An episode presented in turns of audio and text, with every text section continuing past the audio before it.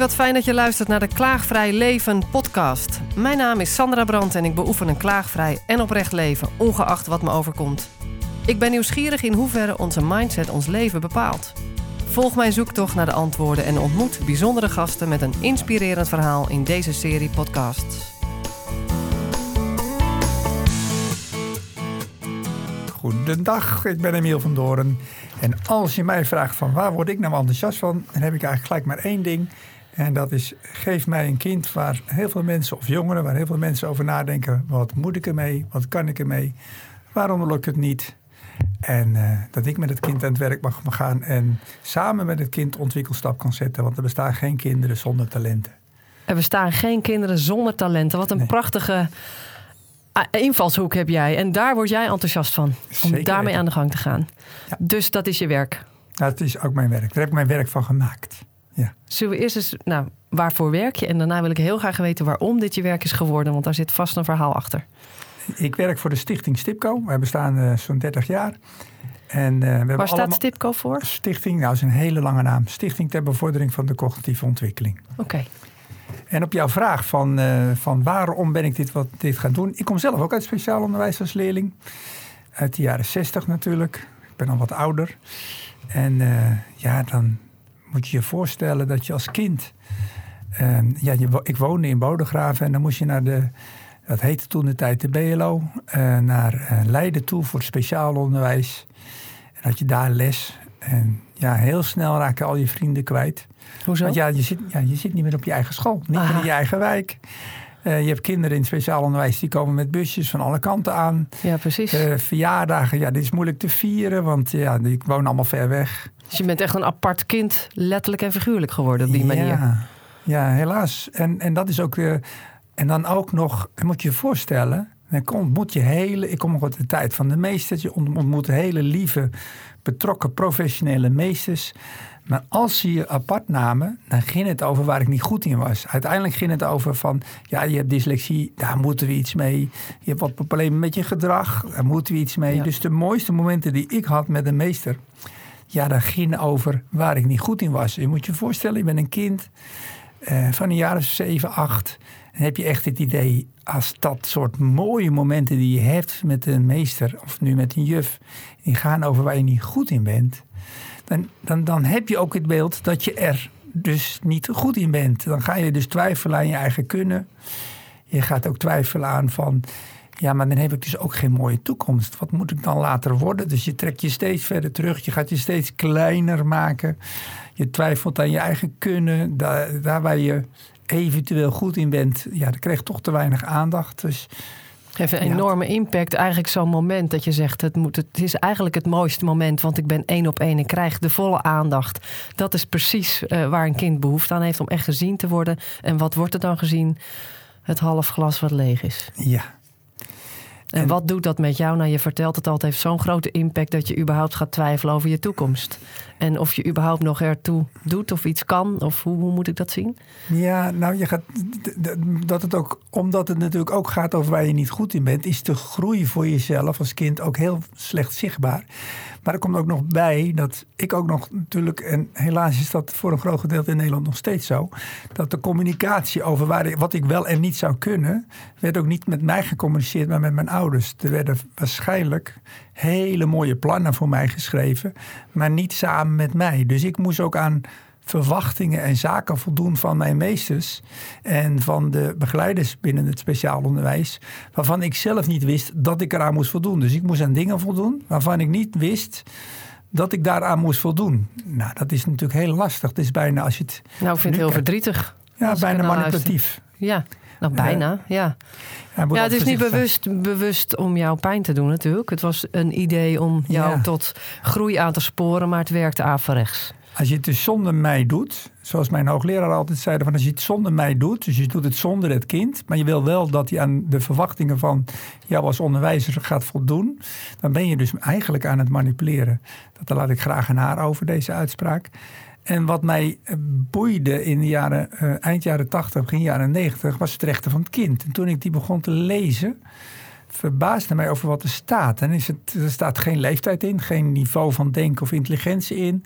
En dan wordt verondersteld dat wij het allemaal samen met het kind doen. Die heeft recht op een eigen mening, heeft recht om inzicht te hebben in zijn eigen dossiers. En we zitten in een cultuur waarin nog steeds met veel liefde en betrokkenheid van het onderwijs nog steeds zonder het kind gedaan wordt. Nou, daar, dat vind ik heel lastig. En ik zou graag het, uh, het onderwijs in Nederland de stap laten zetten van jongens, laten we er eens voor gaan. En vaak zie je dan heel veel de vraag vanuit het onderwijs en de zorg komen. Ja, maar hoe dan? Nou, in mijn dagelijkse handelen met kinderen en jongeren. Het kan gewoon. Kinderen hebben een heel goed beeld over wat ze zelf willen. Ze voeren al eigen regie. Dus geef ze het regie. Geef het kind regie. Het triggert jou omdat jij het hebt meegemaakt en gevoeld. En nog steeds waarschijnlijk die trigger kan voelen, denk ik. Wat het voor jou deed. En uh, dat is de reden waarom jij waarschijnlijk volledig ervoor gaat om uh, kinderen te ondersteunen. Uh, ook ouders? Of hoe? Bij mij gaan. ik ben altijd heel oprecht. Ik ben professional.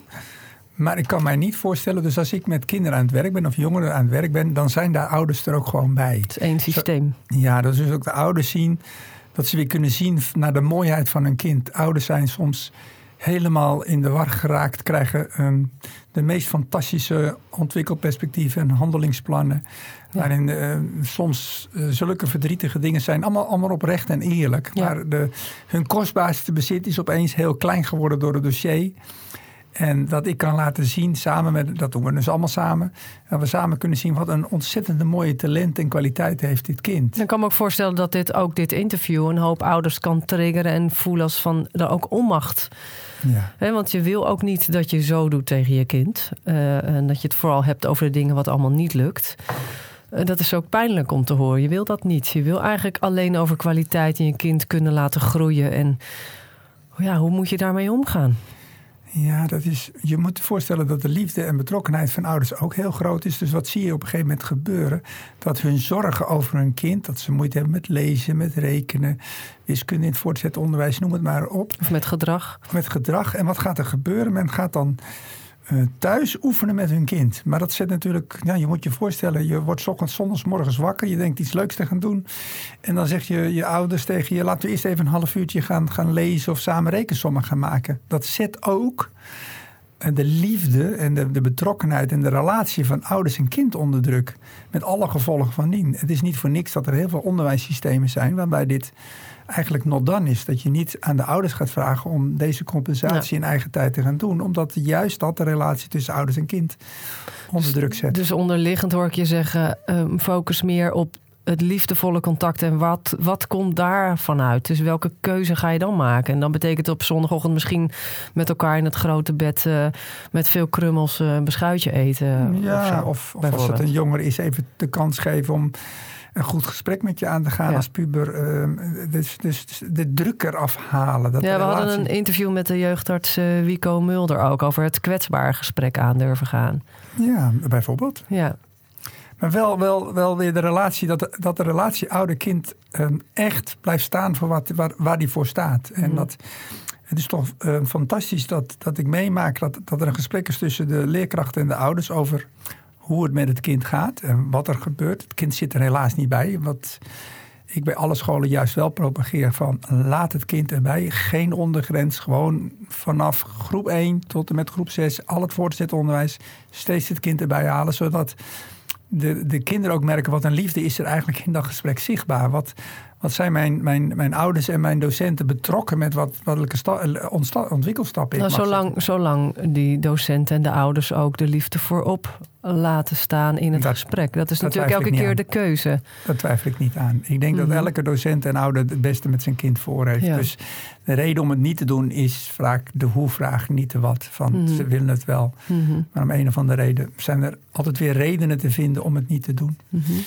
En ik wil wel ook een, een lans spreken voor alle kinderen die, die geboren worden met een verstandelijke beperking. Dat je in Nederland um, toch nog steeds heel verdrietig um, als kind, waar, terwijl je geboren bent in onze maatschappij, mm -hmm. dat je dan nog steeds te maken krijgt dat je moet integreren in onze maatschappij. Dat je moet.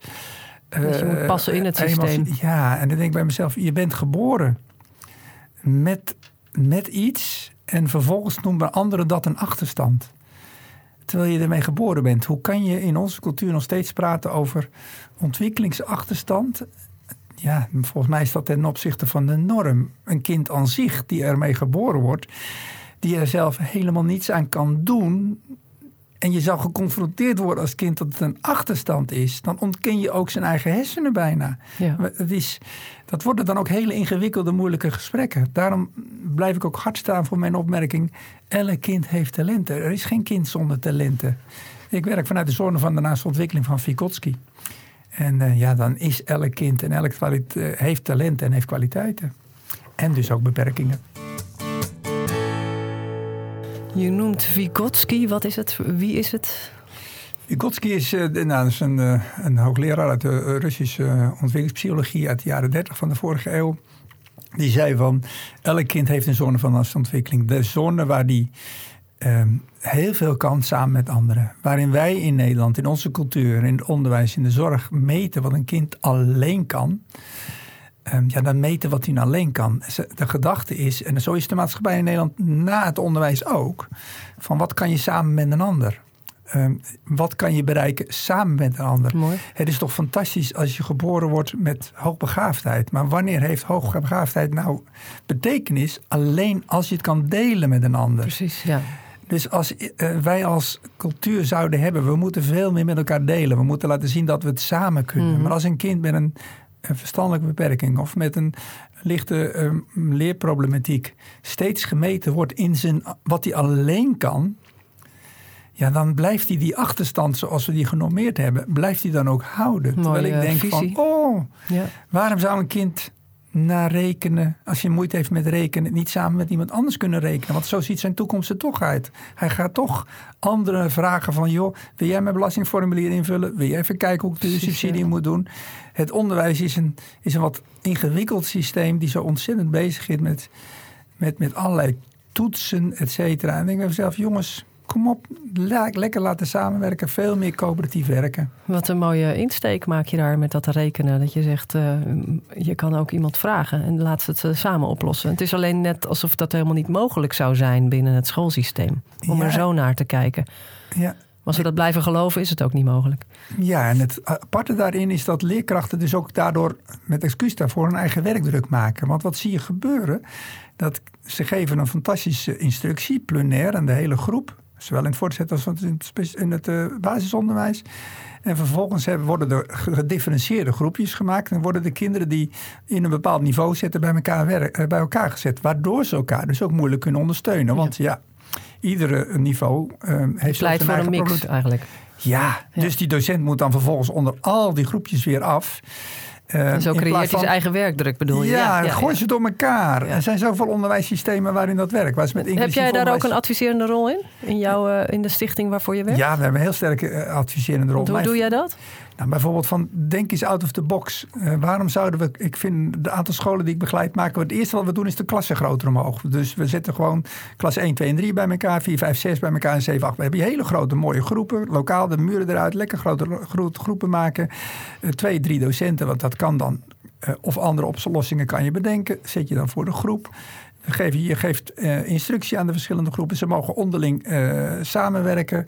Ze hebben stilteruimtes, maak je in het gebouw. Waardoor die kinderen elkaar continu ontmoeten. Zoals de maatschappij natuurlijk ook uitziet. Ja, ja. En dan, dan mag jij uh, hoogbegaafd zijn, moeite met rekenen hebben. Je ontmoet elkaar. Precies, en die, Het fantastische van dit systeem is dat alle docenten zeggen... dit is gewoon heerlijk om... Want het bestaat al. Ja, het bestaat al. Er zijn een aantal projecten in Nederland die het fantastisch doen. Maar wij willen het eerste wat je, je hoort het ook, die klassengemiddelde moet omlaag. Ik vind dat een logische keuze. Op het moment dat je natuurlijk uit het traditionele denken werkt. Ik moet alle kinderen van dienst zijn. Ik moet ze elke dag aandacht geven. In dat geval moeten ze omlaag, het aantal. Ja, dan is dat de meest logische keuze. Maar doe eens een stap de andere kant op. Doe eens out of the box denken. Maak de klasse juist groter. Zet er een aantal meer docenten op, stilteruimtes. Ja, of klasassistenten of ja. stilteruimtes waar ze mogen samenwerken. En gaat helemaal fantastisch. Ja. Dus jij richt je meer op het begeleiden van scholen om tot samenwerken te komen. In plaats van het puur te bekijken wat kan een kind in zijn eentje. Want in de maatschappij ontmoet je elkaar, kun je help, hulp vragen voor de belasting in te vullen. Ja. Als je moeite hebt met rekenen, het samen te doen. En dat weten de kinderen ook van elkaar. Dus je weet van elkaar, en dat is een heel belangrijk uitgangspunt. Ja. Waar ben jij goed in, waar ben je niet goed in, wanneer kan ik je helpen? En leerlingen gaan niet. Leerlingen, als ze zeggen ik wil graag geholpen worden om het rekenen, gaan ze helemaal niet naar degene die dat kan wel, naar degene die het beste in rekenen is. Nee, ze gaan op zoek naar degene die het beste kan uitleggen. En wat blijkt Aha. nu ook uit onderzoek, dat vaak de kinderen die het net aan begrijpen of het aan het begrijpen zijn, het het het beste kunnen uitleggen Serieus? aan, ja, aan andere kinderen. Want die geven het denkproces cadeau. Anders krijgen ze een herhaling van wat Ja, de ja, juf ja. al gedaan heeft. Dus het is ook heel leuk om te zien dat je zo'n combinatie... En ook het leuke is als een kind heel erg goed is in rekenen of hoogbegaafd is. Wat is er belangrijker dan voor zijn toekomst? Dat hij juist leert uitleg geven aan Ja, een ja, ander. Want ja, dat is toch schitterend. Dan, dat Ja. is ook, anders raakt hij ook eenzaam in zijn eigen kunnen. Het Dus denkproces cadeau krijgen is, is een mooie bijkomstigheid. Ja, Eigenlijk zou het mooi het zijn om dat, dat elkaar continu te laten ontmoeten. En het geeft heel veel rond de motivatie en gedragsproblemen in het onderwijs en de zorg. Wat zeg je als laatste? Eh, veel, meer, veel minder gedrags- en motivatieproblemen. Ja, kinderen, wi- kinderen willen, mensen willen van nature samenwerken. Mensen willen, als ik met Ja, docenten... het geeft een gevoel van ertoe doen. Hè? Dat je Ja. gezien wordt, dat, er, dat je gewenst bent, dat je nodig bent. Als ik een docent vraag, ik krijg nu een oefening. Ja. En ehm die moeten jullie allemaal doen. Maar als je klaar bent, mag je niet zeggen tegen elkaar. En je mag het ook niet vertellen aan elkaar. En dat is een zeg- stuk minder motivatie meteen. Ja, en dan krijg, moeten ze allemaal stil zijn. En zeg Oh, ja. van, moet je opletten. Nu ga ik zo meteen zeggen wat het goede antwoord is. Ja. Dan hebben een aantal hebben het wel goed, een aantal hebben het fout. En dan, maar dan mogen ze nog steeds niks tegen elkaar zeggen. En dat vinden ze vreselijk. Ja. Ik zeg, ja nee, we gaan zo meteen vinger opsteken, gaan we het oplossen. En dan voelen ze weer, ja maar dit is heel tegennatuurlijk. Ja. Ik bedoel, ik zeg, nou dit, dit is Ik een vind het bijna eigen. lachwekkend, maar zo gaat het in het echt. Gaat het wel, ja. eigenlijk. En dan moet je vaak, ik doe veel oefeningen waarin docenten en, en mensen die in de zorg zitten, dit moet weer moeten voelen. Van, oh, dit is het proces waar ik natuurlijk kinderen mee, mee wegstuur. Het is ook fantastisch dat je ook. Ik kom uit de ontwikkelingspsychologie. En dan hoor je ook vaak dat, dus dat, dat nou, dan heb je 30 kinderen. Dan kijken de vijf kinderen naar buiten. Die dus auditief veel sterker zijn. Dus om hun concentratie op een hoger niveau te houden. Niet naar het eh, smartboard kijken. En dan te horen krijgen van eh, eh, opletten, kijk naar het smartboard. Die dan vervolgens zo bezig zijn met naar het smartboard te Dat kijken. ze niet meer kunnen dat ze luisteren. niet meer kunnen luisteren. Dus er zijn kinderen die naar buiten kijken niet omdat ze niet opletten, maar juist omdat ze op die manier kunnen opletten. En toch zijn er nog steeds juffen, en ook bij mij eh, kinderen, die willen dat er naar hun gekeken wordt als eh, ze praten. Want daarmee concluderen ze dat er wordt opgelet. Maar jij zegt eigenlijk, dat is niet waar.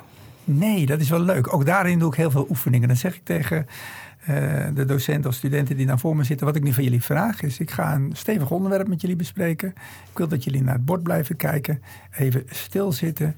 en zo weinig mogelijk bewegen en niet met elkaar praten. Dan ga ik nu even eh, een tien minuten... Een Ik begin nu al te lachen eigenlijk van, dat is toch bizar dit eigenlijk. En, Het nou, werkt niet. Nee, dat- ze houden het ook niet vol. Ik heb nu al geen zin meer om naar je te luisteren, mocht je echt wat gaan vertellen als je dat zou zeggen. Ja.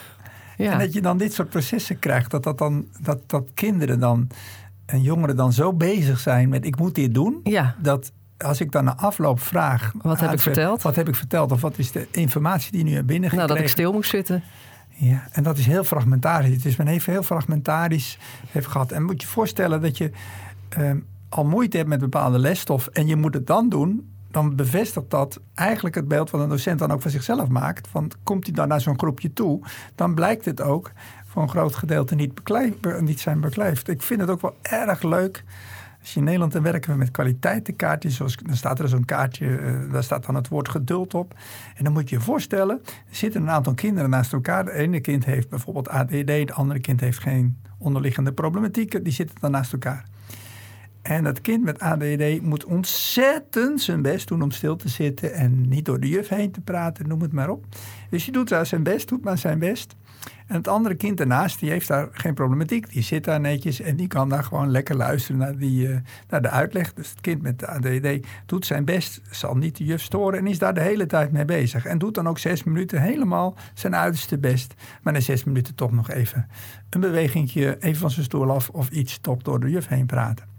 En dan komt er iets moois. Dan worden er op een gegeven moment van die kwaliteitenkaartjes uitgedeeld. En wat me dan dan zo verbaast, is dan het kind wat geen moeite voor hoeft te doen en daar lekker stil bij zit en daar geniet van het onderwijs, krijgt het kaartje geduld. En dan denk ik bij mezelf, ja, maar wie moet het kaartje van geduld eigenlijk krijgen?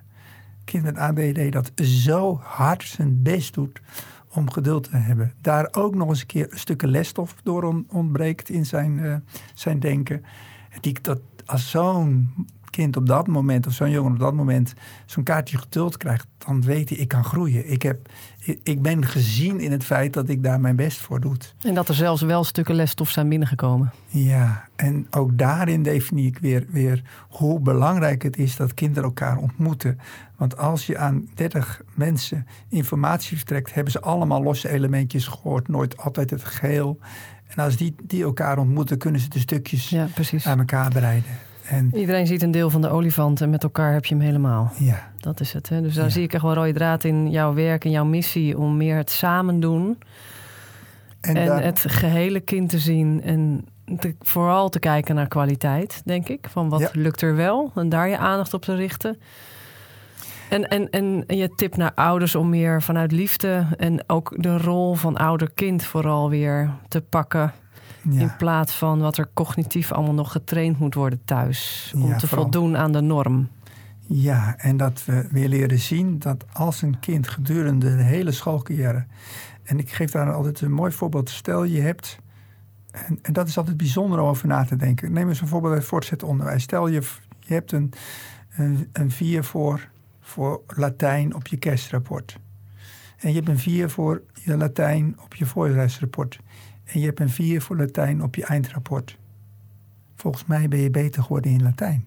Vertel. dat je het wel vol hebt gehouden en niet hebt losgelaten? De, de lesstof is ondertussen steeds moeilijker geworden. En je dus op het moment dat je cijfer. een 4 hebt op, op hetzelfde cijfer, natuurlijk moeten, moeten we niet ontkennen dat er steeds een 4 gescoord is. Maar hij heeft ook laten zien dat hij gegroeid is in Latijn. Want de 4 die hij gehaald heeft in juli, het zou toch fantastisch zijn als hij in juni nog eens een keer dat proefwerk van september over mocht doen. Maar licht zien we daar groei. En dat zie je ook, dit soort dingen.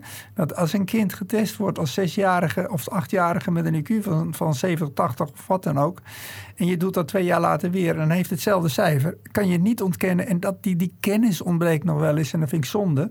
Dat dat kind gewoon gegroeid is. Ja. Het kind is, heeft hetzelfde cijfer, maar heeft ondertussen ook een test gekregen die op dat niveau, op een achtjarige leeftijd, heeft de vorige test op een zesjarige leeftijd. En, en, en zo'n zo'n fabeltje bijna van hij is hetzelfde gebleven. Nee, hij is niet hetzelfde gebleven. Dus ja, dus het gaat ook heel erg over hoe, hoe interpreteren wij als volwassenen alles eigenlijk. Gedrag, ja. um, toetsuitslagen, hoe, interpreteer, hoe wil je het interpreteren? Ongelooflijk. En wat heeft het voor effect op kinderen? En daar moet ik dan toch weer de dubbele kant van zien dat dankzij volgens mij het feit dat het bij jou zo gegaan is, zoals je eigenlijk alle kinderen wil voorkomen, spring jij nou weer op de bres en kun je zoveel mensen ondersteunen. Ja, maar en dat, wil natuurlijk niet goed praten van ga gewoon lekker zo door. Maar dat, ja, ik zie daar ook jouw kwaliteit door groeien. Het aparte was wel dat om, om een ander, ander antwoord te krijgen voor het onderwijs en de zorg, ja. ik wel mijn studies in het buitenland moest gaan doen. Ik moest dus naar studies gaan en, en opleidingen gaan in het buitenland waar ze gaan voor inclusief onderwijs. En dan hmm. ben ik ook gegaan. En inclusief onderwijs? Vertel. Ja, dat wil zeggen dat je dus helemaal geen speciaal onderwijs hebt. Aha. Denk aan Nieuw-Zeeland, Finland, oh Zwitserland. Uh, dus niks differentiatie, alles bij elkaar?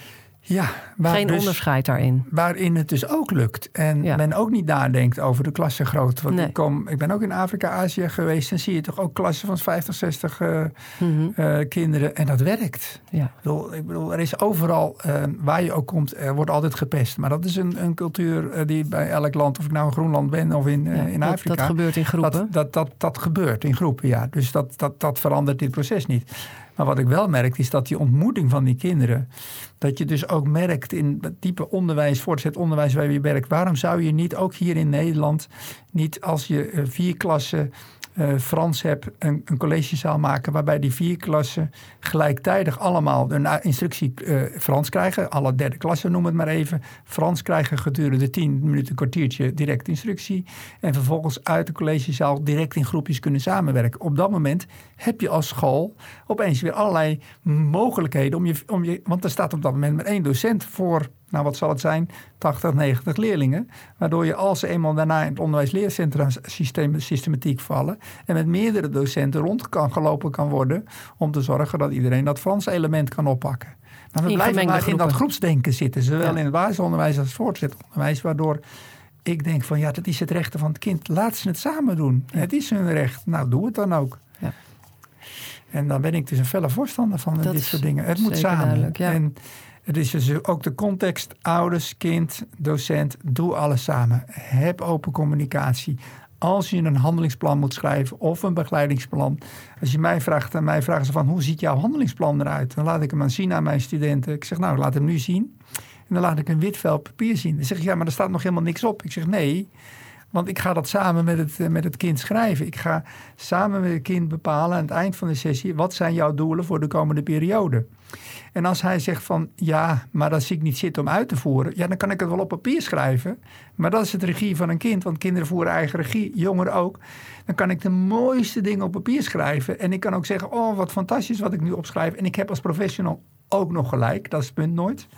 Maar als hij het dan niet doet, ja, wat heb ik dan voor Dus dat geeft eigenlijk ook een soort valse uh, valse zekerheid om schema's te maken en plannen te maken eigenlijk. Ja, ik doe dat liever gelijk met de jongeren. Ik zeg van met het kind, ongeacht. Het kan met een zesjarig kind, kan met een veertienjarige jongen. Het maakt allemaal niet uit. En dan zeg ik van wat gaan we de komende week doen? En wat zie jij de mogelijkheden om het te doen? Ouders zitten er ook bij. We kunnen dus samen bepalen van wat gaan we de komende periode doen.